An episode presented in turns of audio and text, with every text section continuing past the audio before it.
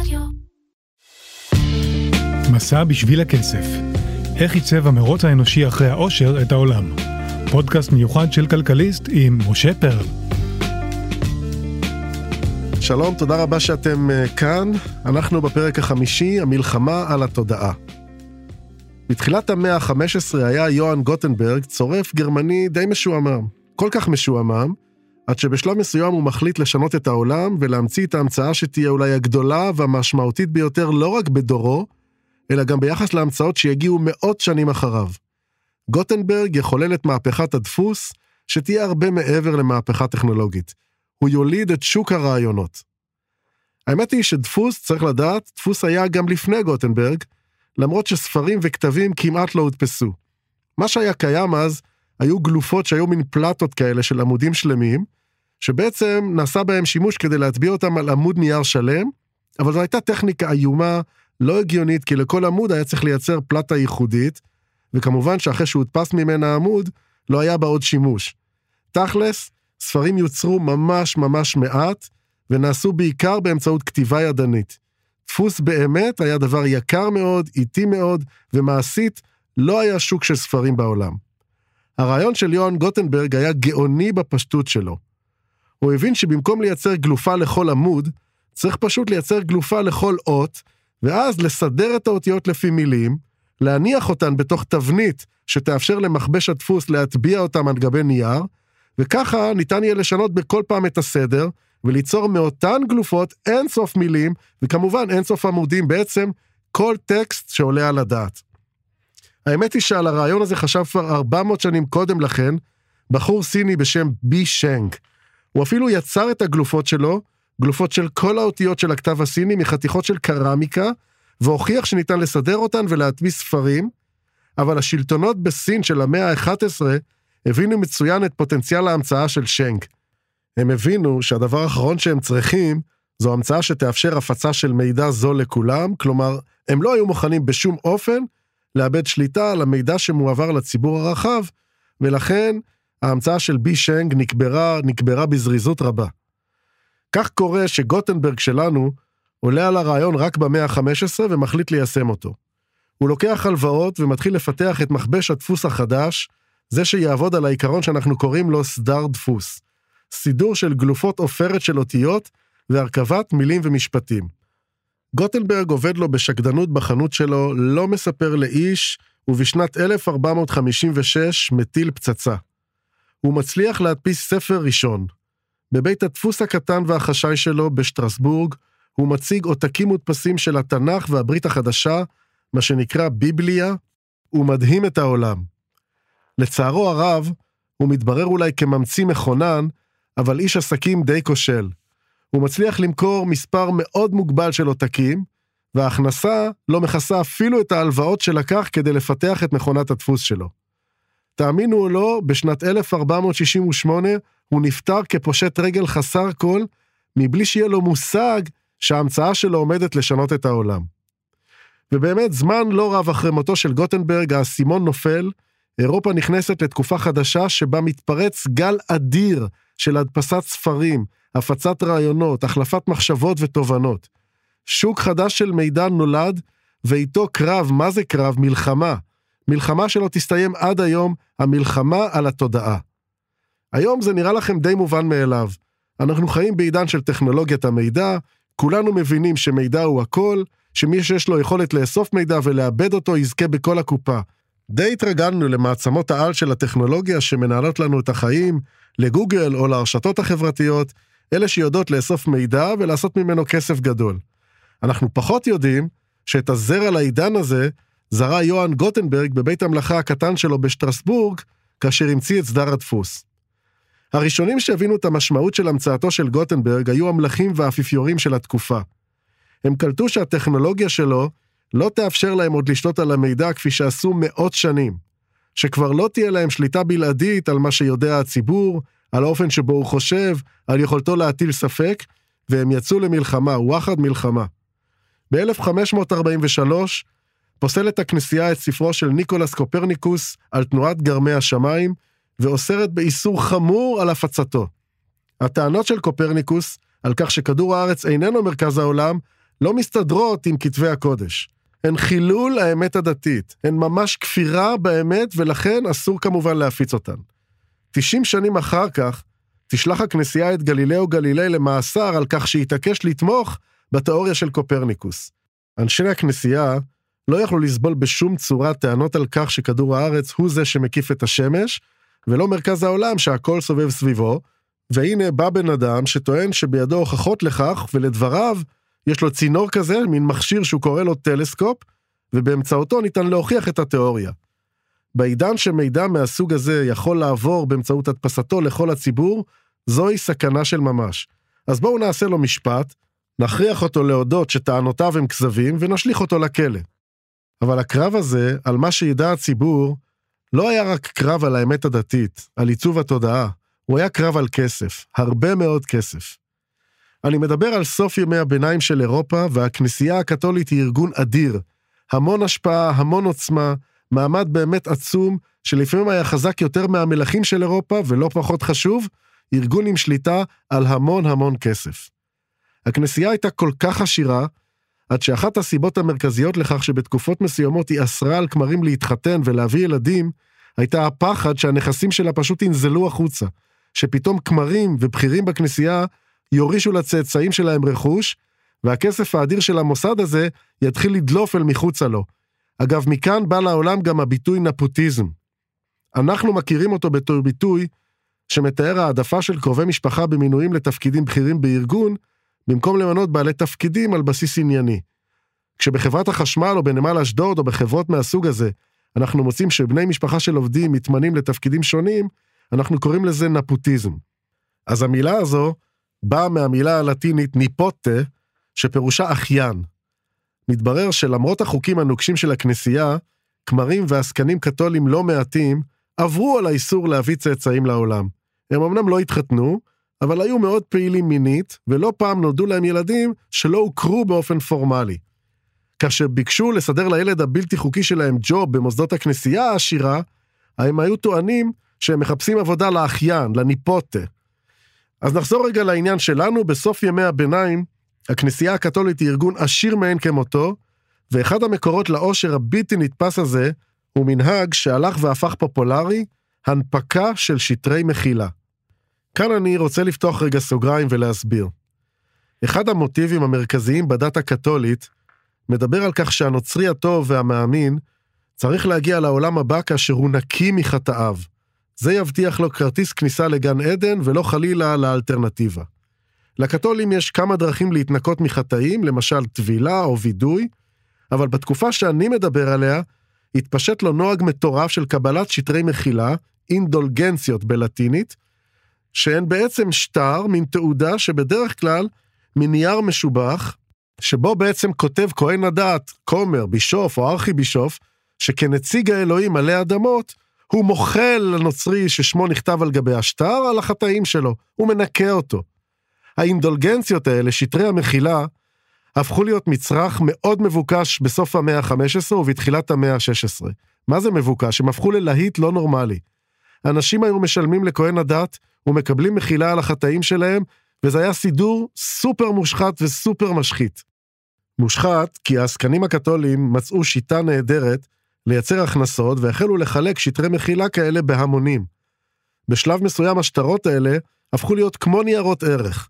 אנשים התחילו לסחור בהם, הכומר היה מנפיק שטר מחילה בלנקו, כזה בלי שם עליו, מוכר אותו ללקוח, וזה היה מוכר אותו הלאה בשוק לכל המרבה במחיר, כשכל מה שנשאר לו לעשות זה למלא את שמו של הקליינט ולזכות אותו במחילה על חטאיו. שטרי מחילה עברו מיד ליד ויצרו שוק מטורף. ולמה זה משחית? כי אנשים הבינו שאם אפשר לרכוש מחילה על החטאים בגיל מבוגר לקראת שלב החיים האחרון, אז יאללה, למה שלא נעשה קצת חטאים בדרך? הרי אין בעיה לנקות את זה למי שרק יוכל להרשות לעצמו לשלם. בקיצור, אירופה הקתולית נשטפה בגל עכור מאוד של עסקי מחילה, ושוב הוכח שכאשר דת וכסף מתחברים, זה אף פעם לא נגמר בטוב. בפעם הבאה שיצא לכם לבקר בבזיליקה הענקית בוותיקן, סן פטרוס, כשתעמדו בחוץ בכיכר הענקית שתכנן ברניני, תעצמו רגע את העיניים, ותזכרו שחלק גדול מהכסף שמימן את הפרויקט המדהים הזה, הושג משטרי מחילה שהנפיקו אפיפיורים באירופה. המציאות האיומה הזו, שבה דת הופכת לביזנס, עצבנה כומר גרמני צעיר בשם מרטין לותר. כל כך עצבנה, עד שהוא מחליט לפרסם את הפוסט המשפיע ביותר בהיסטוריה של העת החדשה, ותולה על דלת הכנסייה שלו בעיר ויטנברג בגרמניה, חיבור עם עשרות נימוקים, מדוע חייבים להפסיק לאלתר את הנוהג המושחת הזה של שטרי מחילה קתולים. לחיבור שלו קוראים 95 התזות של מרטין לותר, והוא יצית בשנת 1517 בעולם מלחמה שגלי ההדף שלה מציפים אותנו עד היום. לותר מוחה לא רק נגד הנוהג המושחת של שטרי המחילה. החיבור שלו הוא מחאה עקרונית נגד התפיסה הקתולית שרואה בעסקני הדעת, באפיפיור וכל אלה שמתחתיו, כנציגי אלוהים עלי אדמות. המחאה של לותר גורסת שנוצרי טוב לא צריך מישהו שיתווך בינו לבין אלוהיו. שכל מה שנוצרי טוב צריך לעשות זה פשוט לקרוא את כתבי הקודש, ולחיות ולעשות ולפעול לפי מה שכתוב שם. לא צריך תיווך. אבל מה שמעניין בכל הסיפור הזה, הוא שבגלל המצאת הדפוס של גוטנברג שבא לעולם זמן קצר קודם לכן, הפוסט של לותר מתפשט באופן ויראלי. זה לא ויראלי במובן הדיגיטלי של המילה, כפי שאנחנו מכירים היום, אבל אלפי עותקים של 95 התזות שלו מודפסים, מופצים, ורעיונות המחאה שלו מתפשטים במהירות בכל רחבי אירופה ומשכנעים המונים. בקיצור, המחאה הזו מולידה זרם חדש בנצרות, פרוטסטנטים בלשון to protest, למחות, ומציתה מלחמת דת אדירה בכל רחבי אירופה. זאת תהיה מלחמה של נוצרים נגד נוצרים, היא תרכיז נהרות של דם בכל רחבי אירופה, ויהיו לה השלכות עצומות כמעט בכל תחום. למשל האומנות, שתתחיל לפתח סגנון חדש שנקרא ברוק. הברוק הוא סגנון אומנותי שבא לידי ביטוי בשואו-אוף, בשפע, בפאר, מין אקסטרווגנדיות אדירה כזאת. הקתולים החלו לבנות ככה את הכנסיות שלהם, כדי להרשים את המאמינים ליצור מורא, ליצור רושם. היום היינו קוראים לזה מבצע שימור לקוחות. לכנסייה פשוט היה חשוב, בעיצומה של אותה מלחמת דת, שכאשר המתפלל ייכנס למקום התפילה שלו, הוא יקבל היכל עם המון עוצמה, המון פאר, עם המון רושם אדיר. זה בטח מה שיעזור לו להרגיש יראת קודש, וזה מה שיעביר לו את המסר שהוא צריך להמשיך ולהתפלל בצד המנצח. ההשפעה תהיה גם על העולם הכלכלי. במה בעצם מאמין הנוצרי הפרוטסטנטי? אם לותר אמר לו שלא יסמוך על מתווכים, אלא שיקרא את כתבי הקודש ופשוט יעשה מה שכתוב שם, איך הוא ידע אם הוא עושה את הדבר הנכון? איך הוא יבין אם הוא פועל באמת לפי ההוראות של בורא עולם? התפיסה הפרוטסטנטית נותנת לזה תשובה ברורה. אם אתה עשיר, אם אתה מצליח, יש לך פרנסה, סימן שאתה מקיים את המצוות כראוי, כי זו דרכו של אלוהים, לאותת לך שאתה עושה את הדבר הנכון. ואם אתה עני, מובטל ואין לך מה לאכול, אז כנראה שאתה לא מקיים את מה שכתוב בברית החדשה ובברית הישנה, וכדאי לך לשנות את דרכיך, כי אלוהים שולח לך איתות שהוא לא מרוצה. התרגום של התפיסה הזו לשגרת יומיום ולתכלס, הייתה התנהלות של כל פרוטסטנטי שחותרת לעשיית כסף, לחריצות, להשקעה, לרווח כלכלי, ולא סתם רווח כלכלי. אם עשית חיל וצברת רווחים, אל תבזבז אותם על תענוגות החיים, אלא תשקיע אותם בעסקים אחרים כדי לייצר מהם עוד רווחים. זה, אם תרצו, זרע הקפיטליזם שנובט לו בתחילת המאה ה-16, באדיבות המחאה של מרטין לותר. אז דיברתי על ההשפעה של המלחמה בין הקתולים לבין הפרוטסטנטים על האומנות, על הכלכלה, אבל לפי דעתי התוצאה המשמעותית ביותר של הפוסט של מרטין לותר הייתה בתפיסת העולם החדשה שהוא עיצב באירופה. לותר עשה דבר שאני לא בטוח שהוא עצמו הבין. הוא לימד את העולם להטיל ספק. תראו, במשך דורות על גבי דורות, היה ברור לאנשים שהאמת ניתנה על ידי אלוהים באמצעות התורה, וחכמי הדת, לא חשוב אם זה חז"ל אצל היהודים או אחרים בכל דת אחרת, חכמי הדת הם אלה שיודעים לפרש את האמת הזו, להסביר אותה, לבאר, לשנן, להנחות את ההמונים איך להתנהג. ככה חיו אלפי שנים בעולם. אם מישהו ניסה לערער על האמת הדתית, הלך עליו, תשאלו את קופרניקוס או את גלילאו גלילאי, זו כפירה. והנה בא לנו לותר, ואומר, כן, אני נוצרי, אני מאמין, אבל אני חושב שמותר להטיל ספק, ולחשוב שאולי משהו שאנחנו עושים צריך לעשות אחרת. מכאן הדרך היא מאוד קצרה כדי לשאול שאלות, כדי לחקור, כדי להבין שיש עוד אמת, שלא הכל ידוע לחכמינו, שאפשר לשנות. זה יהיה הרגע שבו האדם יהיה מוכן לקבל רעיונות חדשים. להביא בחשבון שאולי לא הכל כתוב בתורה. אנחנו מאמינים בה, אבל אפשר לחקור ולחפש תשובות לשאלות גם במקומות מחוץ לכתבי הקודש, בדרכים אחרות. שנים על גבי שנים, אמרו לאימא שהילד שלה חולה שעליה להקיז את דמו, ולבעל שאשתו נוטה להיות כעסנית הורו לגרום לה להקיא, כי האמינו שכך יצא מגופה הכעס. כן, זה מה שעשו רופאים בימי הביניים, והנה, בעולם שבו מותר לפקפק, לחשוב, להחליף רעיונות, לשנות דעות, בעולם שנולד אחרי מרטין לותר, אפשר לחפש גם דרכים אחרות להבריא ממחלה כלשהי. האדם של המאה ה-16 ואחריה מתחיל לחשוב. פתאום הוא רוצה הוכחות. תפיסת העולם שלו עוברת שינוי, והיא בשלה למהפכה המדעית שתגיע לעולם אוטוטו. כשתקום החברה המלכותית לחקר הטבע באנגליה, הסיסמה שלה תהיה, אל תאמינו למילותיו של אף אחד. האדם האירופאי של פוסט ימי הביניים הוא הרבה יותר לוגי, יותר רציונלי, הוא אדם חדש. תחשבו רגע איך אתם מתייחסים לטענות של חוקרי הפיזיקה הקוונטית, שמסבירים לנו שיש להם הוכחות לכך שעצם כלשהו יכול להיות בו זמנית בשני מקומות.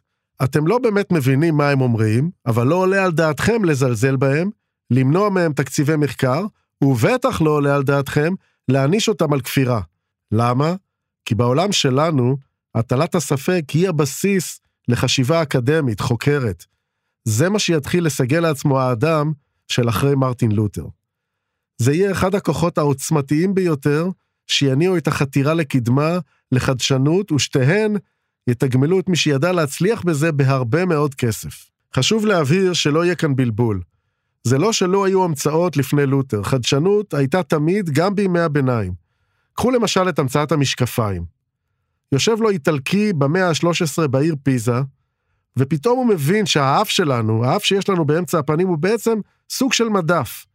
באותם ימים כבר הייתה זכוכית מגדלת ובעלי מלאכה השתמשו בה כדי לטפל בכל מיני חלקים מיניאטוריים, אבל מה שעושה ידידנו מפיזה זה לחבר שתי זכוכיות מגדלת, הוא קורא לזה משקפיים, מניח אותם על המדף, כלומר על האף, וכך מייצר מהפכה אדירה בשוק העבודה. פתאום, כל בעלי המלאכה, צריך לזכור, באותם ימים הכל מיוצר באופן ידני, כן? אין מכונות, אז כל בעלי המלאכה יש להם עכשיו שתי ידיים פנויות. הם לא צריכים לשעבד יד אחת לטובת זכוכית מגדלת כשהם עובדים.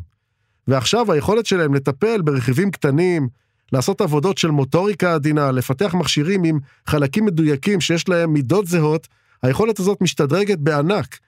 עכשיו אפשר להתקדם במכשור רפואי, להמציא טלסקופ, שגלילאו השתמש בו בחלוף תקופה, כדי לספר לנו באיזה עולם אנחנו חיים. וזו לא ההברקה הטכנולוגית היחידה.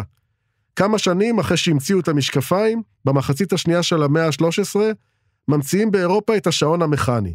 גם הוא יחולל מהפכה כלכלית. שעונים, בואו נבהיר, היו הרבה לפניו. חברות בני אדם מדדו את הזמן באמצעות שעוני שמש, או שעוני שמן שהתבססו על זמן הבעירה של פתיל, בכד שהם מילאו בו כמות נתונה של שמן.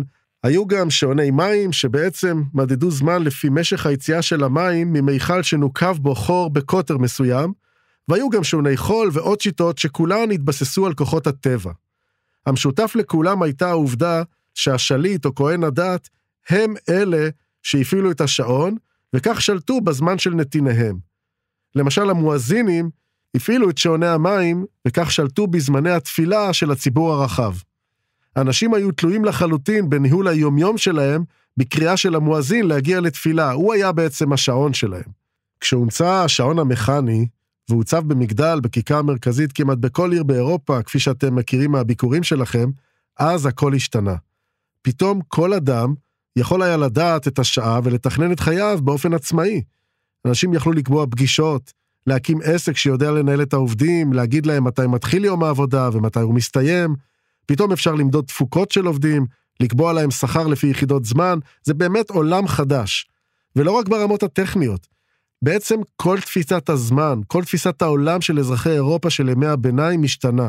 צריך לזכור שמדובר בחברה של אנשים שרובם המוחלט פשוט אנאלפביתים, מימד הזמן שלהם מאוד מאוד מוגבל בערך להשכמה בבוקר והליכה לעבודה עד הלילה. הם מאוד מוגבלים בתפיסות הכמותיות שלהם, הם אפילו לא יודעים מתי הם נולדו, ובדרך כלל הם לא יודעים בני כמה הם. יש להם איזה מין תפיסה כללית כזאת כאיזה מין בורג קטן מתוך מערכת קוסמית שאותה הם לא מבינים ולא שואלים ולא חוקרים. זה מה יש. הכומר אומר להם איך לחיות, הבוס אומר להם איך לעבוד, הרופא אומר להם איך לטפל בילדים וכולי וכולי.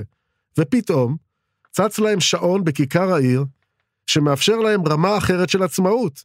הם יכולים לקבוע פגישה, הם יכולים למדוד זמן. המצאת השעון המכני שינתה במידה רבה את תפיסת העולם שלהם. כן, הם עדיין בורג קטן במכונה גדולה, אבל הבורג הזה כבר יכול להיות טיפ-טיפה אדון לעצמו. הוא יודע מה השעה, הוא לא תלוי באחרים, הוא יכול לנהל את יומו. אגב, כשהאירופאים התחילו למדוד זמן באמצעות שעון מכני, הסינים סירבו לאמץ את הטכנולוגיה הזו. זה היה כנראה עניין של שליטה וגם של פטריוטיות לאומית, אבל הם המשיכו למדוד זמן באמצעות שעוני שמן. לא מעט היסטוריונים משוכנעים שזו אחת הטעויות הקשות של סין בהיסטוריה כולה. זו טעות שגרמה לה לאבד גובה במרוץ הקדמה הכלכלי מול אירופה.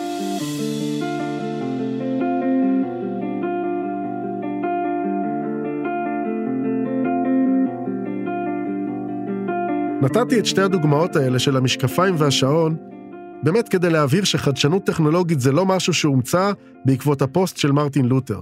אבל אני כן רוצה לחדד כאן את השינוי שמתרחש בעולם בעקבות מלחמת הדת שבין הפרוטסטנטים לבין הקתולים, או מה שקראתי בעקבות העובדה שהעולם למד להטיל ספק ולחשוב ביקורתית.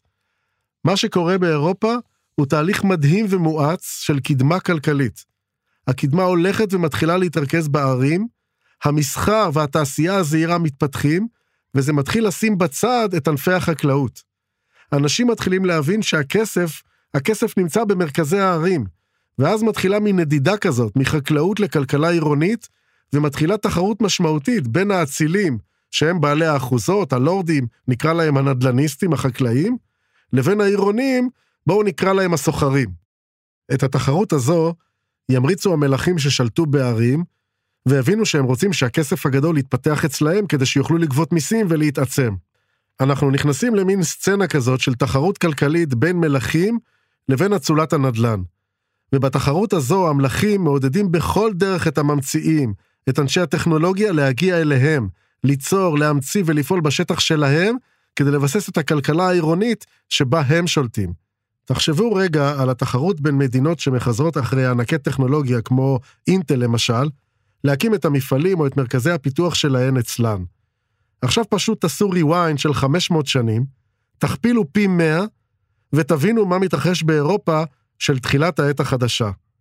זו תחרות על ליבם של מוחות, של טכנולוגיות. כל מלך רוצה שאצלו ימציאו את התרופה החדשה, את הנשק החדש. הוא רוצה שהצבא שלו יהיה הכי חזק, ושהקופה שלו תהיה הכי מלאה. וזה יוצר עידוד עצום לכל אלה שלמדו לאמץ חשיבה חקרנית, ביקורתית, חדשנית. בנסיבות שנוצרו, אירופה תהפוך להיות גן עדן לקדמה. בסין למשל, לא יכלה להתפתח תחרות כזו, כי היא מדינה אחת ענקית, עם קיסר אחד ששולט על כולם. אבל דווקא באירופה, שיש מדינות רבות שמתחרות זו בזו, אם אתה טאלנט, אומן, ממציא מכונן, רעיונאי, אי אפשר לחסום אותך. אם השליט שלך לא מאפשר לך לפתח את הרעיונות שלך ולחתור לחדשנות, אתה פשוט עובר למדינה השכנה, ופועל בה כי השליט שלה משתוקק לחדשנות. אז אנחנו מקבלים עולם בעצם, שיש בו יבשת אחת, אירופה, שהופכת להיות יבשת שוחרת חדשנות עם תיאבון עצום לקדמה, שהוא כמובן תיאבון עצום גם לכסף. והחתירה הזו לכסף תיקח את אירופה למחוזות שהיא לא תיארה. לפעמים הם יהיו פסגות של פאר היצירה האנושית, ולפעמים הם יהיו רגעי שפל שההיסטוריה לא תיארה לעצמה. נדבר על זה בפרק הבא.